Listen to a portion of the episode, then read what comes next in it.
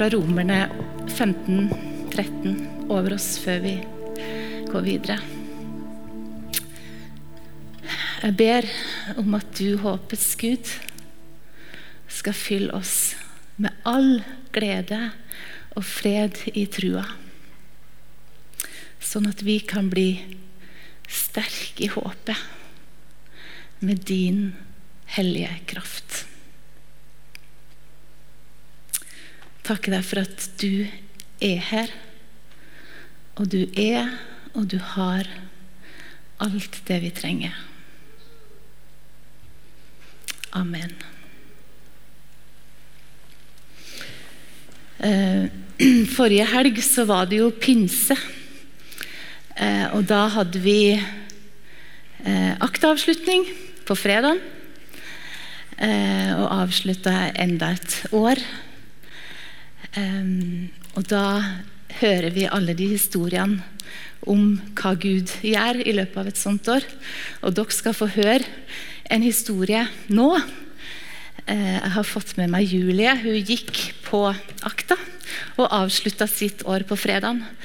Men så er jo pinsa også litt spesiell for deg. For pinsa for to år siden så var jo du på et helt annet sted i livet.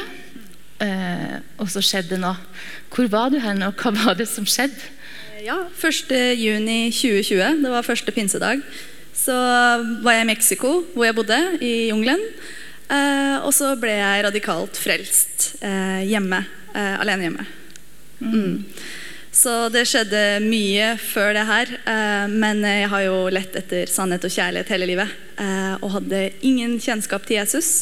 Eh, jeg hadde jo borgerlig konfirmasjon, utmeldt av statskirken, eh, hadde sjamanisk dåp og ja, vært i Age i 18 år, veldig dedikert, Recky Master og ja, reist rundt hele verden. Og så skjedde det mange mirakler før det her, men um, ehm, 5. mai så, så, skrev jeg på en tegning i en seremoni at jeg er åpen for deg, Christ.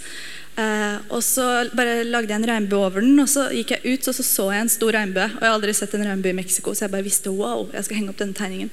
Og så tre uker senere da, så, så kom Jesus. Jeg så han. Uh, og han åpenbarte seg for meg, og han viste meg alt jeg trengte å se. Um, først så var han rasende, men det var enten på uh, meg og synd og, og, det som var over meg, åndskrefter. Og så tilga han meg, og, og, jeg ble fylt med en sånn supernatural joy og fred og, og, lys og kjærlighet som gjorde at jeg var en helt ny skapning eh, på bare de minuttene hvor han fylte meg opp. Og jeg, jeg ble så ydmyk, for jeg forsto hvor feil jeg hadde tatt. og ja, bare Han viste meg så mye. Og så det å bli satt fri, virkelig fri, det, det var så stort. Eh, og ja, det er så mye annet som skjedde òg, men han er virkelig Han er så god, og han er bare lys. Eh, så det var et veldig, veldig sterkt møte. Eh, så jeg fikk lov å se han og bli kjent med han. og Jeg hadde jo ingen kunnskap. Jeg hadde ikke hørt evangeliet, aldri hørt noen preache, aldri bedt før. Hadde null kunnskap. Eh, så jeg tenker wow, når jeg kan bli frelst alene hjemme i Mexico, eh, så kan virkelig hvem som helst. Eh, og det har jo startet i bønn. Jeg har hatt folk som jeg har fått høre i ettertid, som har bedt for meg, til og med her i Stavanger. Så jeg har møtt i hvert fall to-tre to, stykker som har sagt å ja, du har Julie, du, hun har jeg bedt for. liksom. Så det starter virkelig i bønn. Det er så kraft. Så, mm. Mm. Eh, og du bodde jo i Mexico. Du hadde flytta fra Norge for flere år siden. Mm. Og det var én ting du ikke ville ha. Det var tilbake til Norge. Ja. og så leda Gud deg veldig tydelig tilbake til Norge. Mm. Eh, og etter en stund så leda han deg til akta som du aldri hadde hørt om. Ja. Hadde ingen peil. Kom her helt blank. Ja. Hva har Gud gjort dette året som du har vært i denne menigheten? Uh, wow, ja. Jeg første tenkte var liksom, Hva har han ikke gjort? Han har gjort så mye. um, han, uh, jeg husker jeg tenkte etter første par dagene så tenkte jeg hvis det her er alt, så er det verdt det å gå et år. Fordi jeg var, liksom, hadde fått så mye av Gud. Men uh, han har virkelig helbredet hjertet mitt først og fremst. jeg kom med et knust hjerte, og det har han leget. og han har gitt meg så mye styrke og visdom. Jeg har blitt rotfesta i han. Fått, nå vet jeg identiteten min i han, og fått et farsforhold med far. Eh, og jeg har fått masse gode venner, og jeg har fått eh, helbredelse fra PTSD og så mange andre ting. Eh, så, men jeg har også fått liksom, en veldig god relasjon med han, og eh, ja, blitt mye bedre kjent med han. og også sett så mye supernatural at det, det, skjer så mange mirakler stadig vekk. Det er ikke sånn jeg tror, jeg vet, jeg ser det, og vi kjenner det. og Det er så mye store ting som skjer. Eh, så jeg, jeg, trodde ikke jeg trengte bibelskole, men jeg kom i obedience, og så ser jeg bare wow, takk Gud. Det er mye bedre enn jeg noen gang kunne drømt om. Eh, så det har, vært, eh, det har vært en stor ære å få gå. Mm. Og så har det vært en stor ære å få lov til å følge det og gå på sida av det. Eh, utrolig sterkt for oss som er i dette her, å få inn noen som har møtt det og har en sånn en enorm første kjærlighet eh, som bare smitter, og som er så åpen, og som tar imot alt det Gud gir. Og Før du går ned, Julie, så har jeg lyst til at vi skal gi deg en bursdagsgave, for hun har bursdag i dag, og det at vi skal be for deg. Eh, om at Gud skal velsigne denne dagen din videre. Takk for at du bruker litt av den til å dele med oss. Og Hvis noen av dere får ting nå, så gi det til Julie etterpå. Så er det jo bursdagsgave til hun. Mm. Gode Gud, jeg takker deg for Julie. Og jeg takker deg for at ingen av de tingene som hun søkte, eh, eh, kom i veien den dagen som du kom, for du var sterkest. Eh, og du hadde kraft nok til å gå i møte med alle de kreftene som hun hadde søkt over så lang tid. Og så vant dine, din kraft over. Eh, og så tok du bolig i Julie, og så åpenbarte det. Og så åpenbarte deg med, med alt det som du er. Og det holder du på med, og det vil du fortsette med. Og takke deg for at ingenting av det som du har gjort i hennes liv, kan noen gang bli ugjort, for det er så fast. Mm. Bare velsign denne bursdagen hennes og fyll henne opp med alt det som du er. Velsign hun, Jesus. Velsign hun og hele hennes liv. Alt i hennes liv, Gud. Amen. Tusen takk skal du ha.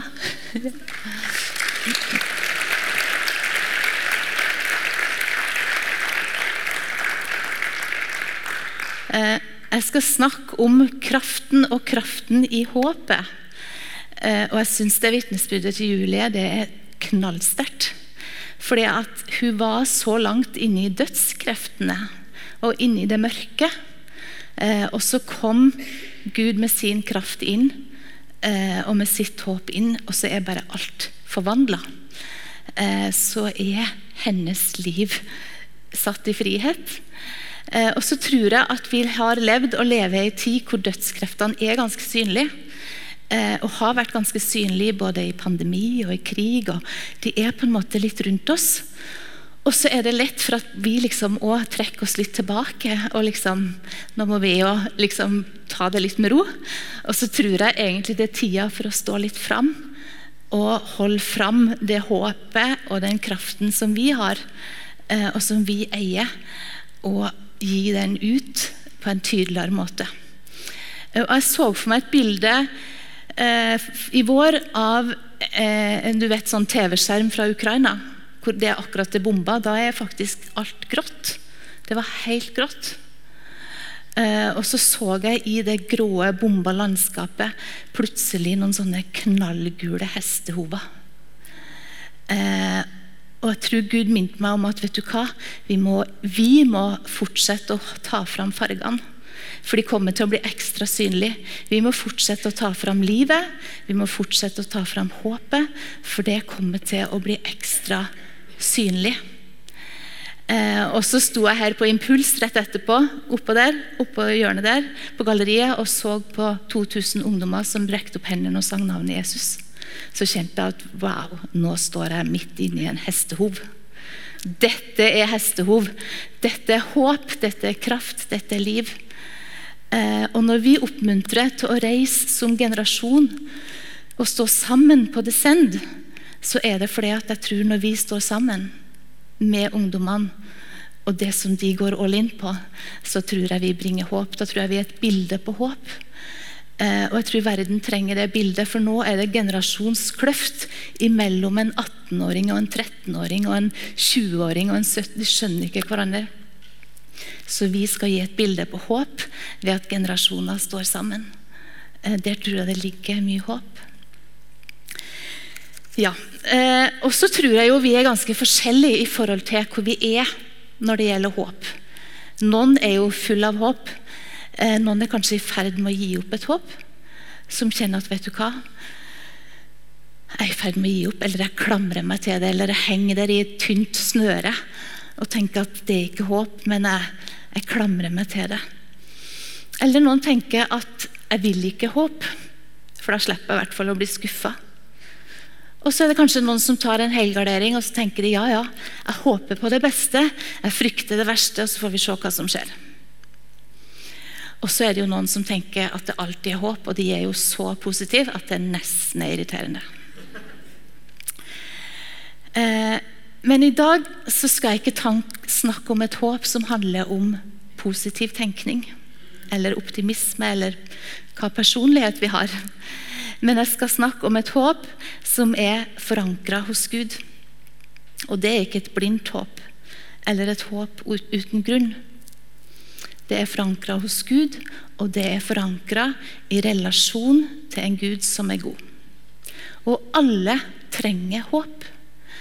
Eh, og jeg har lest at mange ateister de går med en hemmelig drøm om å reise til Mars eller til månen. Og jeg har lest at Grunnen til at de går med den drømmen, er at de trenger å tro på noe som er litt umulig. Og så tenker jeg jo da at vi er jo det folket som er forventa skal tro på det umulige.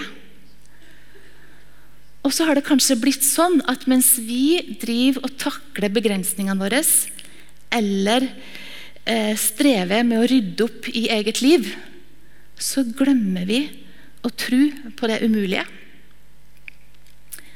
Og kanskje er livet vårt litt sånn puslespill. Nå skal det komme opp et puslespill snart.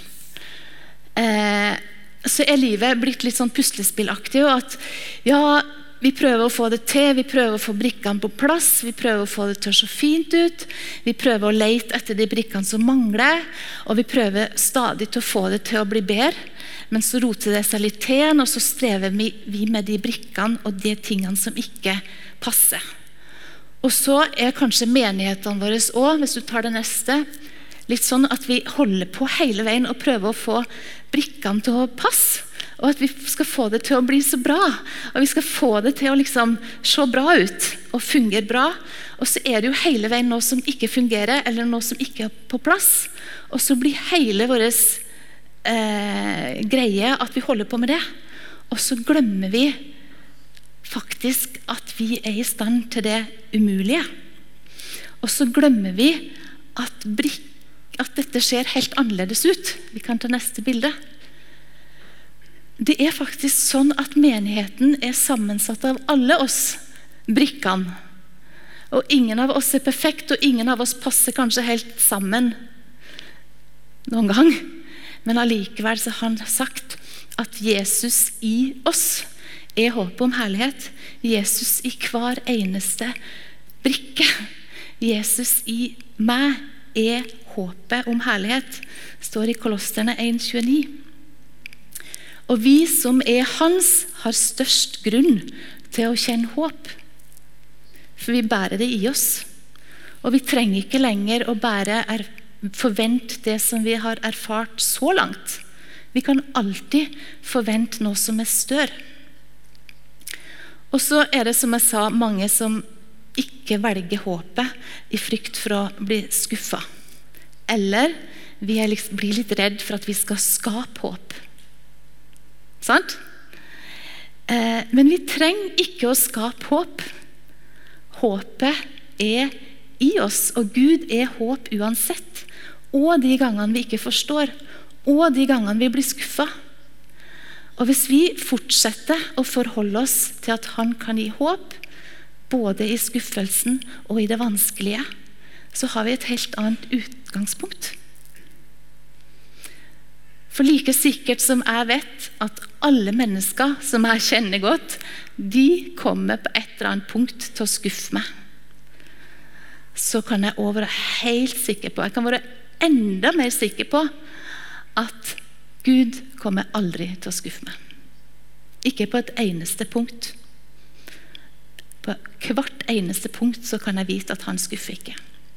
Og Hvis jeg prøver å isolere meg fra skuffelsene, så det er en ganske umulig og kostbar greie.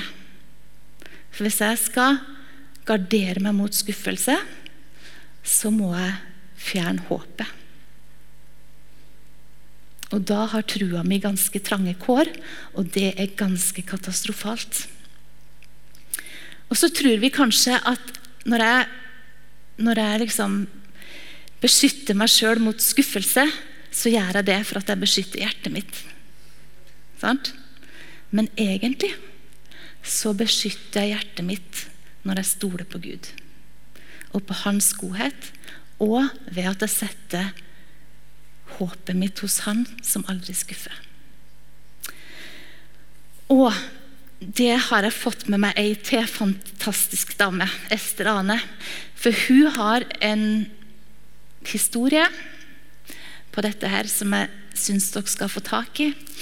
Ester Ane hun gikk på akta i fjor, og på slutten av året så skrev hun en sang som heter 'Miraklenes Gud'. Mange av dere har sikkert hørt den. Hun skal snart synge den for oss.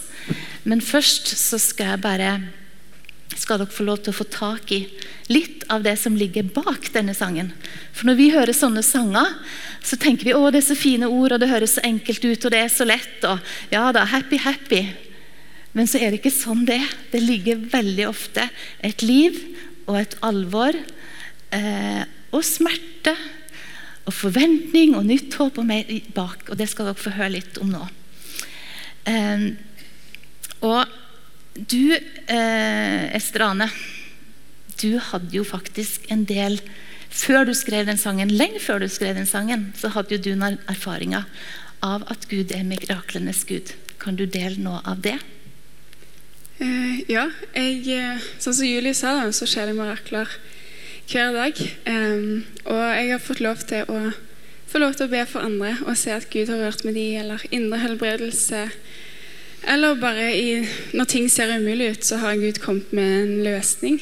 Uh, og en av de gangene hvor jeg opplevde at Gud helbreda meg mirakuløst, det var når jeg gikk på ungdomsskolen så hadde jeg ekstremt mye smerter i, i begge hendene som gjorde at jeg, jeg hovna opp, jeg mista ting, og jeg måtte slutte å gjøre det som jeg likte å gjøre. Da. Jeg kunne ikke bake lenger, jeg kunne ikke turne. Um, og så kom varte dette helt til videregående. Og i um, tredje klasse på videregående så Jeg hadde på en måte den der at jeg vet at Gud kan helbrede, og vi hadde tro for det i familien. Men på samme måte så tenkte jeg at ja, ja, men det er sikkert en mening med at jeg skal være syk. Så jeg godkjente på en måte det og tenkte at ja, ja, jeg orker ikke gå til forbønnen i dag. Um, men så um, var jeg her på IMI med Randy Clark. Han hadde en konferanse. Og så var det ei som fikk et kunnskapsord om at det var noen som hadde vondt i, i begge hendene. da. Og jeg går fram, og jeg blir bedt for. Og fra den dagen der så har jeg aldri hatt smerter i hendene mer. Jeg fikk lov til å erfare en Gud som virkelig ja, så meg og hadde lyst til å helbrede meg. Jeg fikk komme tilbake igjen i tredje videregående og si at jeg trenger ikke lenger sekretær som skal skrive for meg, for jeg kan få lov til å skrive sjøl, for jeg er blitt helbreda. Eller jeg forteller det til legen, og han blir helt Er du helt seriøs? Har du ikke vondt i hendene lenger? Og Det var for meg et veldig sterkt møte med en Gud som virkelig gjør mirakler den dag i dag. Mm. Mm. Så fantastisk. Mm. Kanskje noen av dere var med og ba til og med på den. Eh, men så, etter videregående, så opplever du jo ny smerte og, og nye ting. Og bl.a. en hjernerystelse som egentlig setter hele livet ditt på vent. Eh, kan du si litt om den prosessen når livet blir satt på pause? Ja. Um, jeg eh, opplevde jo en del andre ting òg, men bl.a. En, en kraftig hjernerystelse. Og på det tidspunktet så eller Før det så hadde jeg vært to år med ungdom i oppdrag og var veldig sulten på Gud. Og sulten på mer av Han. Og endte opp med å studere eh, på sykepleien. Og så hadde jeg liksom sagt til Gud at det er veldig kjekt liksom, å, å, lese om, om, kroppen og hvordan den fungerer, men det hadde vært veldig gøy å bare tatt et år på bibelskole, for jeg har lyst på enda mer av han. Um, og så får jeg denne hjernerystelsen, og så var jeg egentlig veldig skuffa på Gud, for jeg kjente at nå, nå er det det ene smellet etter det andre. og jeg vet at sykdom og smerte det kommer ikke fra Gud, men, men jeg var sånn der Men du kan jo. Hvorfor, hvorfor skjer det ikke noe? Um, og så uh, Ja, et halvt år før akta så ble jeg bedt for. Um, og på det tidspunktet så hadde jeg veldig mange symptomer etter denne kraftige hjernerystelsen som gjorde at jeg så så klart på øynene. Jeg hadde konstant uh, kronisk hodesmerte og nakkesmerte. Og ja, var veldig mye svimmel og kasta mye opp. Og så ble jeg bedt for og så ble jeg helbreda for ekstremt mange symptomer som gjorde at jeg kunne fungere i hverdagen igjen. Men jeg ble ikke helbreda for utmattelsen eller for tåkesynet. Så det hadde jeg ennå. Og da var jeg sånn I et øyeblikk har jeg lyst til å bare prise Gud, fordi at nå kan jeg fungere i hvert fall fire timer til dagen istedenfor å være sengeliggende. Men, men allikevel så venta jeg på mer. da. Jeg venta på et gjennombrudd, for jeg visste at han kunne. Og så leda egentlig Gud meg til å starte på akta. Jeg tenkte liksom at jeg skulle være en plass med Gud hvor jeg var super eh, sulten på mer og kjempeglad, og alt var helt fint. Og så kom jeg på akta så jeg egentlig skikkelig skuffa og sint på Gud og tenkte det her var ikke det jeg hadde planlagt. Men allikevel så var akta for meg den beste plassen å være. Da. Og skjønte at, eh, at Gud møtte meg veldig der. Og når jeg var sengeliggende og lå på det, så, så opplevde jeg at Gud sa at eh, når jeg begynte å klage da, Jeg klager ganske mye. Jeg begynner å klage til Gud at oh, men nå er jeg skikkelig lei av at eh, jeg kanskje fungerer normalt i hverdagen. Jeg detter ut i samtaler. Jeg kan ikke være til stede. Jeg kan ikke be for venner i klassen. Det var liksom, Jeg kan ikke til alt mulig. Og så plutselig så er det akkurat som jeg hører Gud si men men Østrene, jeg vil ha deg mer enn det du gjør. Jeg vil ha deg mer enn det du gjør. Og så begynte det plutselig å, å synke inn, da, og fikk gå på akta hvor jeg kunne være den verste versjonen av meg sjøl, faktisk. Eller ha en god dag eller en dårlig. Og så kunne jeg bare få lov til å være det. Mm. Mm. Uh, og på slutten av året så velger du altså sammen med noen å skrive den sangen 'Miraklenes Gud'. Det ligger jo ikke helt i kortene der du er, at det skal være temaet.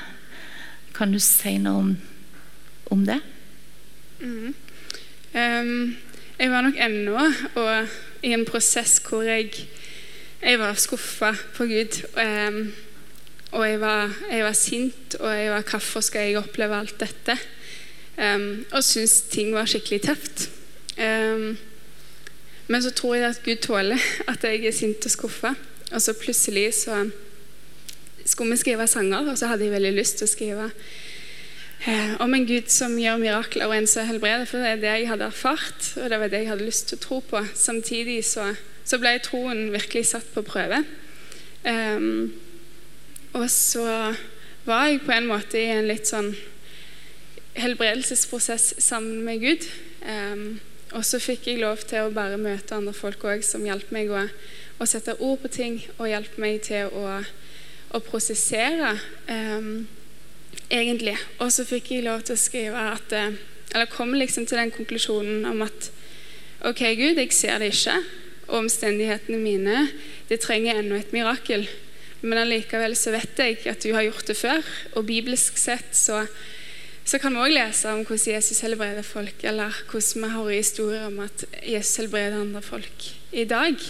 Og det er det jeg hadde lyst til å tro på, men samtidig så, så levde jeg på en måte i det der spennet. da, At jeg er skuffa, jeg er sint. Eh, og jeg vet at det, det, er ikke fra Gud, men allikevel så eh, Ja, så visste jeg at han kunne gjøre noe og var sint fordi han ikke gjorde noe. da.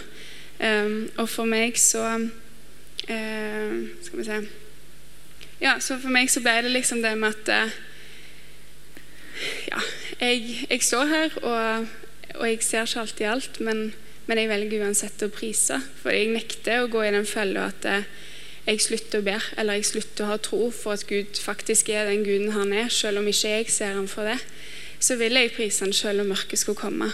Um, og jeg har tro på at han vil helbrede, og han vil nå ut til, til andre folk. da. Um, og så gikk jeg liksom gjennom en vei hvor jeg skjønte at jeg Det som Jesus sa til meg, var at jeg vil ha deg mer enn det du gjør. Så ble det en lengsel i meg òg. At jeg vil ha han mer enn det han gjør. Og for meg så ble det så utrolig viktig at jeg vet at en dag så skal vi møte han i himmelen, og han skal tørke hver en tåre, og alt skal være borte. Men allikevel så er han den samme Gud i dag.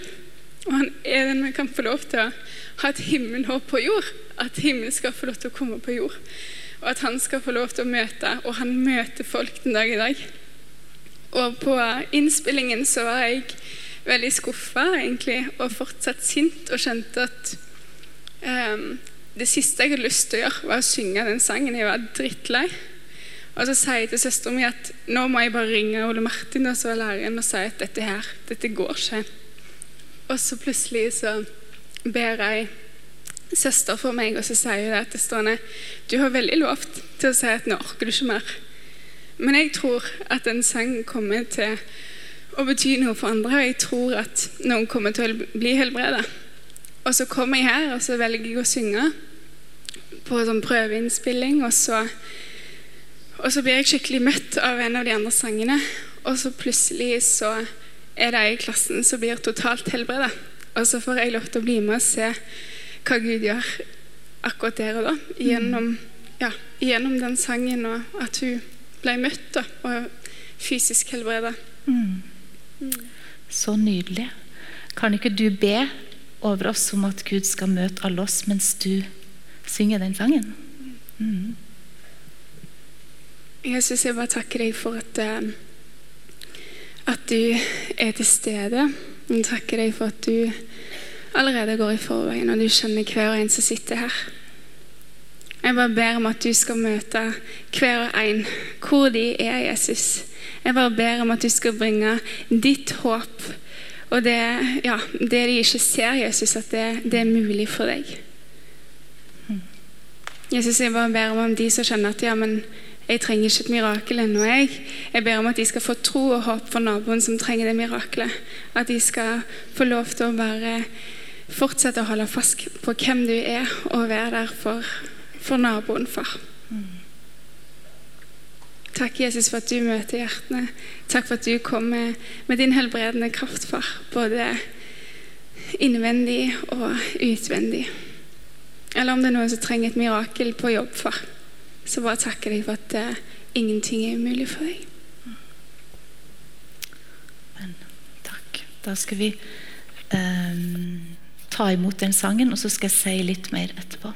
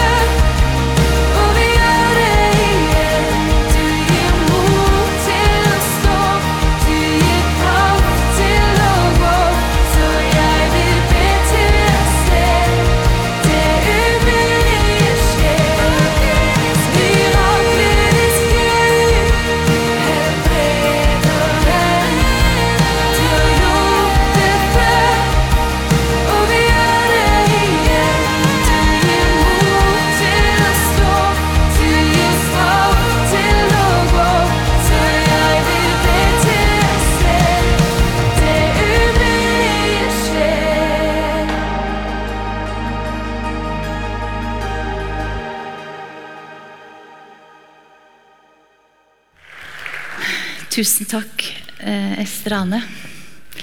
Eh, både det som Julie formidler, og det som Ester Ane formidler, viser så tydelig at mens vi håper, og mens vi venter, så holder Gud på. Eh, så holder han på å lære oss ting.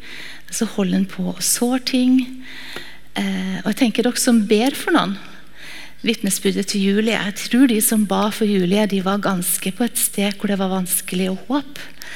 For det så ganske håpløst ut. Men for Gud så er det allikevel ikke håpløst. Eh, Det er alltid en mulighet. Eh, Og et håp hos Gud er ikke bare et ønske eller et skudd i blinde. For i Han så finner vi mot til å stå, og vi finner kraft til å gå, sånn som Estrane sang. Eh, og hos Han så er det håp, eh, så vi kan tro på noe som vi ikke har sett ennå. Eh, og når Jesus sa 'følg meg' til disiplene, så betydde det at han var på vei en plass. Han inviterte ikke inn til å parkere, men han inviterte til å følge. Og han inviterte til å bli med i en bevegelse. I hans bevegelse. Bli med og se etter vitnesbyrdene om hva Gud holdt på med. Eller hør etter hva han sa. Hør etter de profetiske ordene, eller hør etter innskytelsene. De små tankene om å gjøre noe godt. Se på han. Se på Jesus. Eh, og kanskje ikke bare se på han heller, men gå så tett på han at vi begynner å få hans perspektiv. Og Jeg vet ikke om dere har sett noen gang eh, på sånn skjult kamera.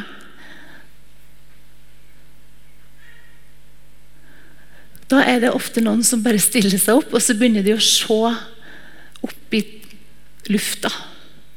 Og etter hvert så begynner jo alle de rundt å se opp i lufta. For det må jo være et eller annet. Og til slutt så står kanskje alle og ser opp i lufta, men det er bare den første som vet hva han egentlig ser på. Eller kanskje er det ingenting. Eh, men jeg har tenkt på det, for når vi fester blikket på Gud lenge nok og ofte nok over lang tid, så tror jeg de rundt oss vil begynne å lure på hva er det de ser på. Hva er det de har fått øye på som ikke jeg har fått øye på? Og så begynner de kanskje å se lenge før de vet hva de ser på. Og jeg tror Julie sin søken handla jo om at egentlig hadde hun begynt å se, men hun visste ikke helt hvor hun skulle se hen. Eh, og så må vi hjelpe dem da, til å finne, finne ut hva er det vi har fått øye på. Eh, og i en verden som trenger håp, så trenger vi at han åpenbarer seg med det som er sitt. Og som regel når Gud åpenbarer seg med noe som er sitt, når han gjør et mirakel, så forstyrrer det oss egentlig. Forstyrrer teologien eller forstyrrer måten vi tenker på. Eh, og vi kan egentlig lett tankene våre begrense vitnesbyrdene. Vi kan lett de forminske de, og vi kan prøve å få de til å passe inn i vår egen tankegang. Men hans tanker er jo alltid høyere enn våre tanker. Og det overgår alt som vi forstår, sang vi i sangen. Eh, og det å være håpsbærer handler egentlig om å leve til, i en forventning til Gud. Ikke bare ut fra de mulighetene som jeg faktisk har, men ut fra de mulighetene som han har. Og hvis jeg har bedt, og det ikke skjer, så trenger jeg ikke å lage ny teologi, men jeg kan fortsette å være med i bevegelsen. For han har noe på gang underveis. Eh, vi trenger, trenger fra, håp for framtida vår. Og Når Gud snakker om håp, så har det alltid en evig effekt. Det har alltid en større svung. Han har en evig plan. Og I ordspråket 29-25 så står det at den som frykter mennesker, setter fella for seg sjøl, men den som stoler på Herren, er trygg. Eh, og Jeg har lest at vi i Norge vi er det landet i verden hvor frykt og bekymring er den mest godtatte følelsen. Og at det nesten blir sett på som fornuftig å være bekymra. Og vi tror at vi kan tenke oss fram til, og vi kan planlegge og vi kan kontrollere livet vårt. Og det, nettopp det gjør at vi kjenner at vi er mer utrygge enn noen gang. Og Derfor så blir vi det folket som går rundt og er utrygge og bekymra. Parentes, dere som er interessert i emnagrammet. Sekseren i emnagrammet, som har behov for sikkerhet, det er den det er mest av i Norge. Parentes slutt. Eh, hvis vi tror at vi kan gjøre oss trygge ved å være redd for mennesker, som det står i, eller ta forhåndsregler, bygg kontroll, ta kontroll, så bommer vi. For det sto i det bibelverset at den som stoler på Herren, er trygg. Eh, og kanskje er det sånn at det håpet som han snakker om, det har vi ikke sjans til å hente en annen plass enn hos han. Jeg tror faktisk ikke det. Vi er nødt til å hente det. Vi kan ikke oppdrive det sjøl. Uansett hvor optimistisk personlighet jeg har. Vi er nødt til å hente hos han. Eh, og For noen år siden så var jeg i Kambodsja. og Vi gikk rundt i sånne landsbyer, og så kom jeg inn i en landsby. og Der traff vi ingen voksne, men vi traff en gjeng med unger. eh, på mellom 5 og 15 år. Og Så begynte vi å snakke med dem, og så spurte vi dem hva har dere lyst til å bli når dere blir stor. Sånn typisk voksent spørsmål. Og de så bare helt dumt på oss. Det var ingen som kunne svare på det. Og Etter hvert så begynte de evangelistene fra Kambodsja å dele evangeliet med dem. Og Så spurte de på slutten har dere lyst til å ta imot Jesus. Ja, det hadde de. Og Så ba evangelisten om at de skulle få ta imot Jesus. Og når evangelisten sa amen, så sa han ene ungen Jeg har lyst til å bli politi. Har du lyst til å bli politi? Ja, for onkelen min er politi. Ja, Det var kult, så sa en annen. Jeg har lyst til å bli lærer. Har du lyst til å bli lærer? Ja, jeg har lyst til å bli lærer i denne landsbyen. Og Så var det akkurat som håpet har flytta inn, og de var i stand til å uttrykke håp over livene sine.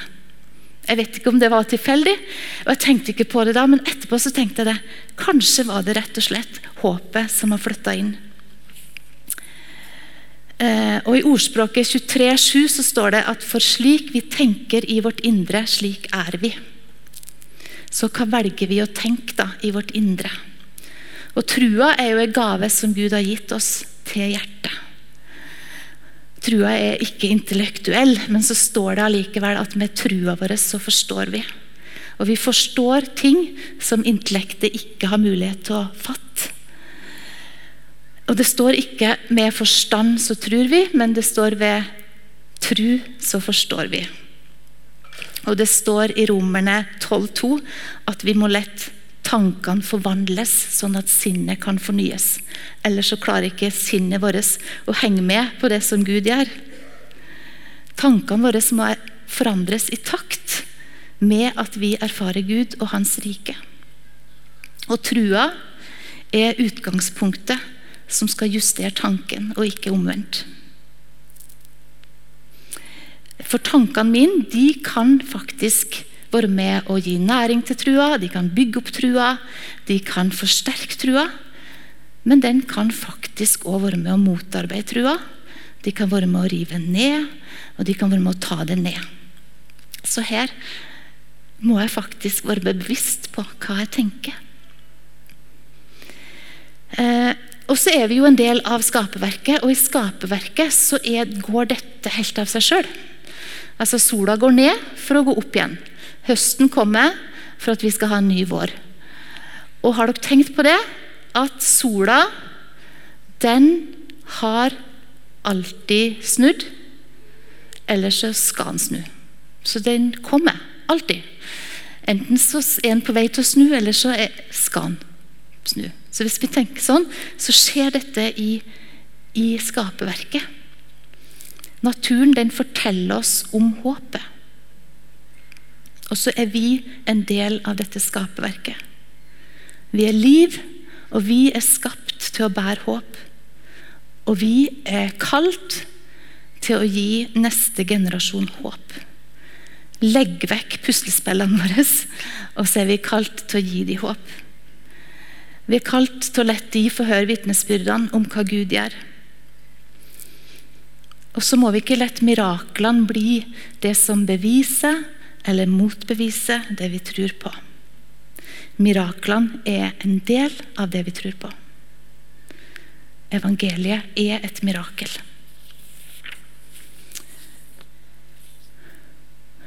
Ja, jeg tror jeg nesten skal slutte her. Um, vi kan være redd for å hype og si at Gud gjør ting som han ikke har gjort, og det skal vi virkelig ikke gjøre. Men jeg tror ikke det er faren i Norge. Det er en større fare for at vi, Gud gjør ting, og så glemmer vi å si det. Eller vi våger ikke å si det, eller det blir litt too much. Så jeg tror vi heller er i den grøfta. Eh, og at vi skal hente fram frimodigheten vår på å fortelle hva Gud gjør. For jeg tror alle som er her, har et liv hvor Gud har gjort mirakler. På smått og stort. I salmene står det Jeg setter min lit til Guds godhet til evig tid. Jeg vil alltid prise deg. Fordi du grep inn med dine trofaste, setter jeg mitt håp til ditt navn. For det er godt.